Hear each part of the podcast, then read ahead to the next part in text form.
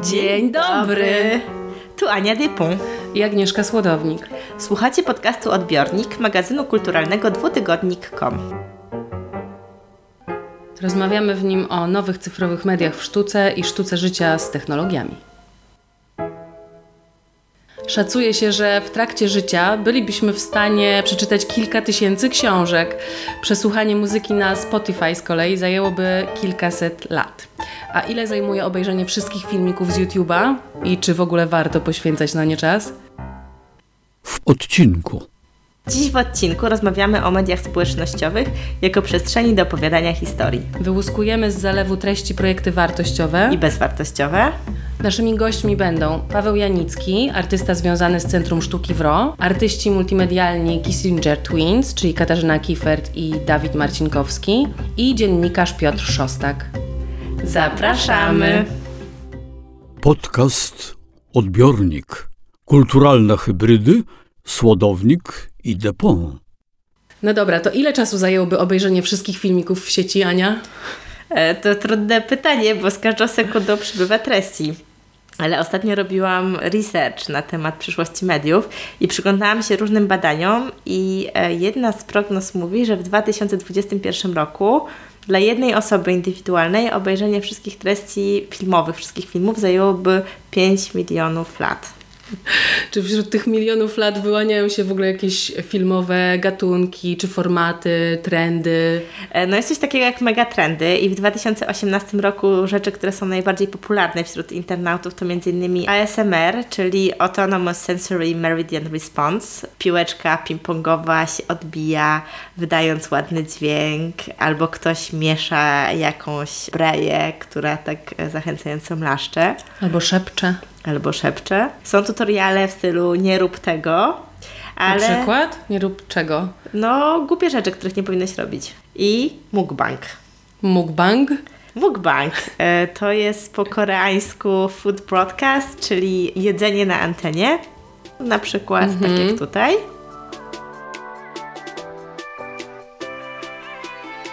Najpierw e, ktoś kroi w tej chwili parówki przed e, kamerą w taki sposób, że jak się wrzuci je do gorącej wody, to zaczynają przypominać ośmiornicę, bo się tak jakby nóżki rozczapirzają. E, I tutaj jeszcze mogę Ci przewinąć, na przykład do tego miejsca.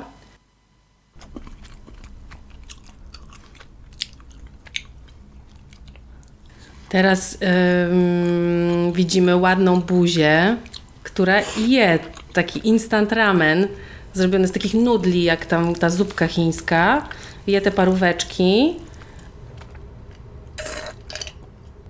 Thank God I have Aria because he handles stressful situations so well. He's such a trooper. A teraz się zwierza, że tylko nie słyszę imienia, ale e, zwierza się, że za kimś tęskni strasznie, że jak jest w pracy, to chciał to ten. No generalnie ona będzie jadła przez resztę filmiku. Ten filmik trwa 18 minut i tam właściwie niewiele więcej się dzieje. Po prostu robi ten makaron i go je. To trochę taka nowa wersja jedzenia przed telewizorem w samotności. Bo to chyba w ogóle jest bardzo o samotności, ale też mam wrażenie, że kluczowe jest w tej wersji to, że ona ma bardzo ładne, białe, równe zęby, że ma bardzo ładne brwi i widać jak spogląda w kamerkę, znaczy w sensie w podgląd tej kamerki, tak jakby cały czas kontroluje jak wygląda to jedzenie, które jest pokazane na, w kadrze i jak wygląda jej twarz. Jest bardzo estetyczna, taka czysta, sterylna, mówi też o swoich włosach, ale jest samotne bardzo, bardzo dużo tego jedzenia i to też jest jeden z elementów tego mukbangu. Ten filmik został wrzucony przez Weronikę Wang, która ma na koncie więcej filmików, również jakie jedzenie, influencerkę. E, został wrzucony do sieci w te wakacje i po dwóch miesiącach obejrzało go już 5 milionów osób, czyli więcej niż ma mieszkańców, dajmy na to, e, Dania. I tych filmików jest więcej, więc tak sobie myślę, że w przyszłości archeologowie będą mieli sporo materiału takiego etnograficznego do wyciągania wniosków o tym, kim byliśmy. Co jedliśmy, jakie mieliśmy zęby. I może, ale może właśnie najbardziej jacy byliśmy samotni, w tym sensie jak e, kontaktowaliśmy się z innymi ludźmi poprzez nagranie takiego filmiku i ich komentarze pod tym filmikiem, niż spotkanie się przy wspólnym stole i wspólne zrobienie tego ramenu? Recykling. Wszystkich nas to czeka. No trzeba też zauważyć, że zmienia się rynek. Kiedyś było tak, że były platformy VOD, media społecznościowe, nadawcy, a tak naprawdę wszyscy mają bardzo podobny model biznesowy, bardzo mają podobne wyzwania, czy Netflix, czy Amazon, czy Twitter, czy Facebook, czy jakieś platformy blogowe, czy YouTube, czy Instagram. Tak naprawdę chodzi o to, żeby te treści były jakoś tam wciągające. Nie? Przystać widza do siebie. Przykładem takiego projektu, który ma przystać widza, jest Scam Austin. To jest remake norweskiego serialu, który się nazywał Scam, czyli Wstyd. I oryginalny norweski Scam to jest serial internetowy, który został wyprodukowany przez NRK, czyli norweską telewizję, która ma też na koncie inne nowatorskie formaty, na przykład produkcję Slow TV. Jest z nami Piotr Szostak, autor dwutygodnika i dziennikarz Gazety Wyborczej, który pisze o technologiach ze społecznej perspektywy i napisał ostatnio dla nas tekst o serialu Scam Austin. Cześć Piotr. Cześć. Co to jest Scam Austin? Scam to serial o nastolatkach produkowany przez Facebooka. Tematyka jest tutaj ta sama, co zawsze. Pierwsza miłość, dorastanie, seks, narkotyki, złamane serca, coming outy. Serial jest jednak bardzo ciekawy formalnie, bo podzielony na krótkie sceny, w zasadzie klipy, które są publikowane nieregularnie, tak żeby czekający na niego widz był zawsze przygotowany i, i głodny kolejnych scen. Narrację audiowizualną uzupełniają tutaj dodatkowe materiały, na przykład zrzuty ekranu smartfonów głównych bohaterów, z których możemy odczytać ich konwersacje na Messengerze. Przedłużeniem serialu są też ich konta na Instagramie, prawdziwe, prowadzone przez twórców i, i aktualizowane i wchodzące w interakcje z y, użytkownikami Instagrama. One dopowiadają fabułę, prowadzą do jej ukrytych wątków, budują dramaturgię i też pogłębiają więź widza z bohaterem i, i serialem. Ciekawe jest też to, że ten serial dzieje się w czasie rzeczywistym, faktycznie w Austin. Kiedy wieczorem jest tam koncert, to bohaterowie serialu też na niego idą. Kiedy dziewczyna czeka na wiadomość od chłopaka, to widz też czeka. Aktorzy nie pojawiają się w ogóle publicznie, są tylko twoimi znajomymi na Facebooku. Można grzebać w historii mediów społecznościowych bohaterów, żeby uzupełnić sobie brakujące wątki. Serial e, rozgrywa się jednocześnie na kilku platformach, a przez to, że jest, e, że właścicielem e, tych platform jest Facebook, no to firma mogła zbudować taki cały ekosystem, w którym możemy śledzić bohaterów tak, jakby byli naszymi prawdziwymi znajomymi, o ile śledzimy naszych prawdziwych znajomych. Um, serial jest więc tak jakby dużo lepiej zintegrowany z platformą niż w oryginalnym tym norweskim serialu. Ale jak myślisz, dlaczego Facebook zrobił adaptację tego serialu? Myślę, że tutaj chodzi o szukanie nowych sposobów przywiązania do siebie użytkownika. Sam Facebook i jego produkty są projektowane tak, żeby były jak najbardziej uzależniające, żeby generowały jak najwięcej klików i przyciągały gałki oczne. Pytanie, na ile to jest zdrowe, kiedy gigantyczny Facebook, który traci użytkowników dokładnie w grupie wiekowej nastolatków, eksperymentuje z taką nową formą rozrywki. Myślisz, że takich seriali będzie więcej, wykorzystujących media społecznościowe do opowiadania historii? Myślę, że za parę lat będziemy traktować go jak taki cyfrowy odpowiednik junk foodu. Scam Austin to próba zrobienia uzależniającego serialu opartego na analizie danych o preferencjach widzów. Tak jak profilowane są reklamy na Facebooku. Tylko, że uzależnienie widza wydaje mi się, że uruchamia jakieś konsekwencje, które, które dopiero poznamy. I wydaje mi się, że taki użytkownik na głodzie może stać się w pewnym momencie, taki widz może stać się nieobliczalny. Cały tekst Piotra Szostaka, widz czyli stalker, do przeczytania na dwutygodnik.com. Odbiornik. Radio w Twojej kieszeni. W sieci można znaleźć też sporo ciekawych eksperymentów, które wykorzystują media społecznościowe jako rzeczywiste narzędzie do opowiadania wartościowych też historii. Chociażby na Instagramie jest wiele pięknych rzeczy i pięknych profili. Coraz więcej instytucji nie przekierowuje ruchu z platform na działania, które odbywają się gdzieś indziej, tylko rzeczywiście traktuje też media społecznościowe jako miejsce działalności kulturalnej. Ostatnio też po Instagrama sięgnęli Kissinger Twins, czyli Kasia Kiefert i Dawid Marcinkowski, duet twórców multimedialnych, którzy są dzisiaj z nami. Właściwie nie wiem, jak Was przedstawić. Najprostsze zdanie, które nas opisuje, to Dawid komplikuje, a ja upraszczam. I pracujemy łącznie w takim układzie już prawie od 15 lat i jesteśmy reżyserami interaktywnymi oraz filmowymi. Robimy również gry. I tak naprawdę od samego początku, kiedy internet pojawił się w naszym życiu, uważaliśmy, że nielinearne i niestandardowe opowiadanie historii, które korzeniami tkwią w kinie, bo kochamy kino, jest naszym powołaniem i po prostu świetnie się w tym czujemy. Ostatnio pracujecie nad projektami na Instagramie i prowadzicie też warsztaty ze storytellingu za pomocą mediów społecznościowych. Pojawiła się instagramowa wersja The Trip, czyli projektu waszego z 2012 roku, zrealizowanego wspólnie ze Smolikiem. Może dodamy tylko, że to jest opowieść o Jacku Torrensie, takim reżyserze, który opowiada, że stoi za wielką mistyfikacją, jaką było lądowanie ludzi na Księżycu w 1969 roku. I początkowo ten projekt e, The Trip to była strona internetowa, na której można było klikać w poszczególne elementy mapy, aby odkrywać historię. Natomiast teraz te funkcje spełnia tak naprawdę interfejs Instagrama. Tylko po co przenosić coś, co początkowo było stroną internetową, na Instagram? Tak naprawdę to my się zajmujemy grami wideo w tym momencie, a Instagram to jest taka boczna odnoga czasu, jak już po prostu jesteśmy przytłoczeni tym, że wszystko co robimy jest związane z pracą w dużych grupach, wiesz, z artystami, z deweloperami, z muzykami, to sobie siadamy, wygrzebujemy jakieś swoje stare projekty, bo z każdym z tych projektów, które w przeszłości robiliśmy, tak naprawdę do wersji finalnej trafiał jakiś maciupki procent tego, co zrobiliśmy i remiksujemy to. I tak naprawdę z Instagramem jest tak, że jest to świetna otrutka na projekty mocno skomplikowane i technologiczne. Yy, oczywiście to osobną sprawą jest w ogóle rozmowa na temat social, social media, na temat Facebooka. Natomiast patrząc na to przez pryzmat tej chwili, no jest to dosyć wygodna platforma do eksperymentowania. Wiesz, no jeszcze ta eksperymentalność, to chyba to jest najważniejsze, że jest to bardzo proste urządzenie. Bardzo prosty jest program. Nie ma programu, to jest aplikacja. Możesz usiąść po prostu sama z komórką albo z jakimś prostym programem do edycji wideo czy, czy obrazu i przygotować sobie wszystko, potem wrzucić, otagować, pobawić się, zobaczyć jak to złamać i kompletnie nie przejmować się czy odbiorem, czy popularnością, czy recepcją tego. No bo Czyli to jest demokratyczna forma, chociaż właściwie samo medium jest zakładnikiem autorytarnej korporacji. Teraz pracujecie nad przeniesieniem innego swojego interaktywnego filmu, yy, też na Instagrama, Saferosy, thrillera o kulcie piękna. Sedno opowieści pozostaje to samo, ale nowe medium rządzi się innymi zasadami.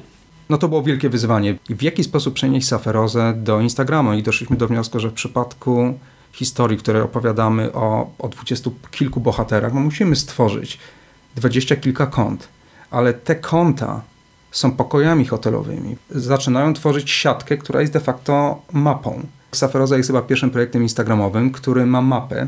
Prosta decyzja, czy pójdziesz w lewo i prawo. Powoduje to, że przechodzisz do kolejnych pomieszczeń. W tych pomieszczeniach są kolejne postacie, ale czasem są ukryte przejścia.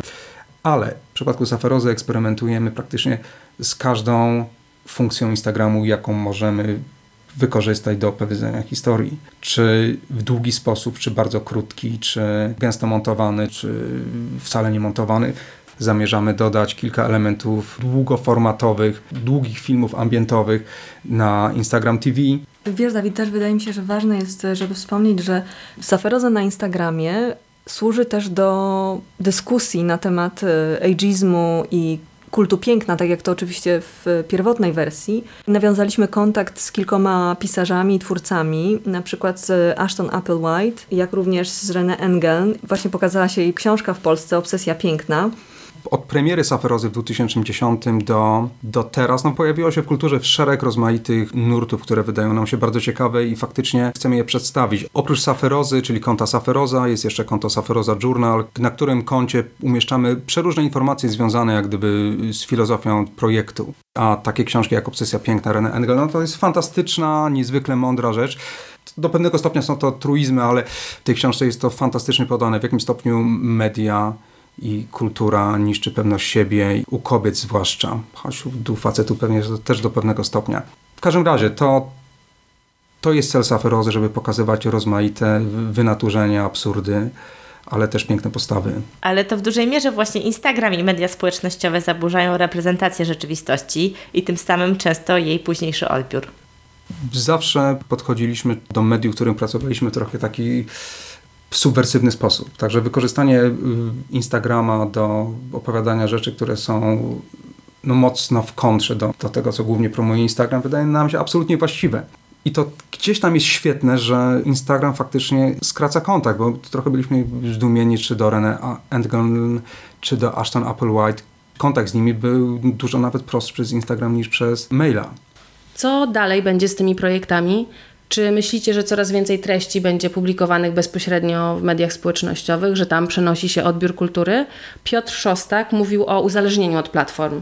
Kompletnie nie wiemy, co będzie w przyszłości. Nawet, wiesz, no Saferoza jest to, y, robiąc coś na Instagram, w gruncie rzeczy dodajesz sobie taki element konieczności produkowania kolejnej historii, bycia aktywnym. Więc sami jesteśmy ciekawi, jak, jak, jak dalece długowieczne będą te projekty, a może nie będą długowieczne. Fajnie jest dodać coś, wrzucić co jakiś czas, natomiast bycie nieustannie aktywnym i, i tworzenie czegoś, co przedłuża tę historię, nie wiem, no sam, sami jesteśmy ciekawi. Kasia. A na pewno, na pewno fajnie jakby pojawiało się więcej takich projektów, e, że wiesz, tylko że ludzie właśnie też nie wiedzą, kompletnie nie wiedzą, nawet ludzie, którzy są związani y, z artystycznymi rzeczami, z nowymi mediami, nie mają świadomości, że możesz coś zrobić e, od początku do końca w ciągu tygodnia i masz zamknięty projekt. E, I bo to, bo to przynosi niesamowitą satysfakcję. w tym, co mówisz, wracamy znowu do, do tej podstawowej kwestii. Co zrobić, żeby ludzie zdawali sobie sprawę, że niekoniecznie storytelling jest wrzucenie zdjęcia albo filmu, tylko myślenie serią, myślenie strukturą, myślenie historią, która się rozgałęzia. Wydaje mi się, że to, o czym mówicie, ta nielinearność, rozgałęzienie historii, to są takie możliwości, których wcześniej w mediach audiowizualnych po prostu też trochę technicznie nie było, chociaż mm, oczywiście pojawiały się w grach. Druga rzecz to jest też ten brak dystansu, bo to jest faktycznie unikatowe i nowe. Zresztą samo słowo storytelling, którego się używa, to też jest takie modne, nowe słowo, chociaż może zawsze było ważnym pojęciem, nie? Tylko teraz jakoś stało się takim buzzwordem.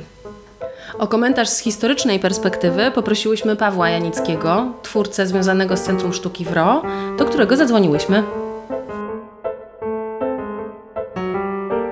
Halo, tu odbiornik.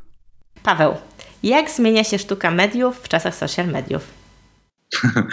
No, to jest super pytanie. To chyba, co powiem, może być dość dziwaczną odpowiedzią, ale mam wrażenie, że podstawowym frazesem związanym ze sztuką mediów i mediami społecznościowymi jest to, że mówi się powszechnie, że to upowszechnienie się mediów społecznościowych było jakimś niesamowitym ciosem, zmianą dla sztuki mediów. W sumie nikt tego tak jakoś szczególnie nie uzasadnia. Wszyscy uważają, że to jest oczywistość. Ja mam takie wrażenie, że to nie do końca jest oczywistość. Te strategie, które się pojawiają w pracach artystów aktywnych w mediach społecznościowych, a właściwie mm, w sztuce medialnej, a nawet przedmedialnej były obecne. Strategie sztuki, co to oznacza?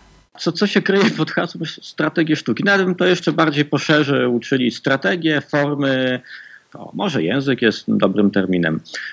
Przed mediami społecznościowymi, przed tym takim upowszechnieniem internetu pod strzechami, sztuka internetowa bardzo często była autoironiczna, ponieważ tak naprawdę niewiele poza informacją naukową i sztuką w ogóle w internecie było. Po pierwsze, to było mniejsze grono, po drugie, ono, no, co tu dużo mówić, że było bardziej elitarne. Nie było, nie było mediów społecznościowych, ale nie było jakichś CMS-ów, które na przykład ułatwiają pisanie i publikowanie w internecie. Generalnie z tą e, sztuką internetową było tak, że były takie dwa nurty, społeczno-ironiczno-prześmiewczy, a przynajmniej komentatorski. On niekoniecznie był zawsze taki bardzo zabawny, oraz taki eksperymentalno-protechnologiczny, mniej może popularny, natomiast też bardzo, jak mi się wydaje, wartościowy. Oba te nurty istnieją dalej. Ten nurt e, komentatorski, no to jest ten, który najmocniej w ogóle w tej chwili kojarzymy z internetem. Z memosferą na przykład. e, Czyli sztuka zmienia się pod wpływem social mediów. E, Ja myślę, że to jest tak, że same strategie sztuki medialnej, w tym sztuki internetowej, tak bardzo się jednak nie zmieniły e, przez upowszechnienie mediów społecznościowych. Natomiast zmienił się kontekst, w którym e, ta sztuka funkcjonuje. Doszedł, doszedł ten kontekst taki ludowy, popularny. Trudno jest go jakoś jednoznacznie określić też, tak aby to określenie nie było epitetem. I to, to jest ta główna zmiana. Ale też chyba łatwiej dotrzeć do publiczności. Dziś rozmawiamy z The Kissinger Twins o opowiadaniu przy wykorzystaniu social mediów i o przenoszeniu ich projektu Saferoza na Instagrama. Ja oczywiście nie chciałbym e, kłócić się z autorami Saferozy, ale jeśli, e, mm, jeśli by tutaj trzymać się jakiegoś e, porządku i po- powiedzmy mm, no, takich kategorii ścisłych w miarę, ta sama treść ląduje na innej platformie. Co w ogóle jest ciekawe i oczywiście można się nad tym zastanawiać, na ile to w ogóle zmienia samą pracę, czy, czy to w ogóle coś znaczy, czy to nic nie znaczy. Czy przez to, że przepisana ta praca zostanie na inną platformę, będzie popularniejsza?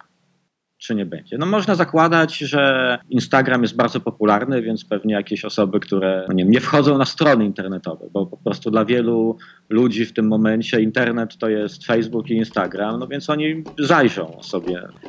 Nie wiem, czy to się przebija e, przez mikrofon, ale właśnie pod Przebija. oknem przechodzą, e, przechodzi grupa osób przebranych za krasnoludki i bębni, ale oni odchodzą w siną dal, więc ja z chwileczkę tutaj zrobię e, przerwę. Powiem Ci, że za krasnoludkami, dużymi krasnoludkami dorosłymi idą małe krasnoludki. Paweł Janicki prosto z Wrocławia, miasta krasnoludków.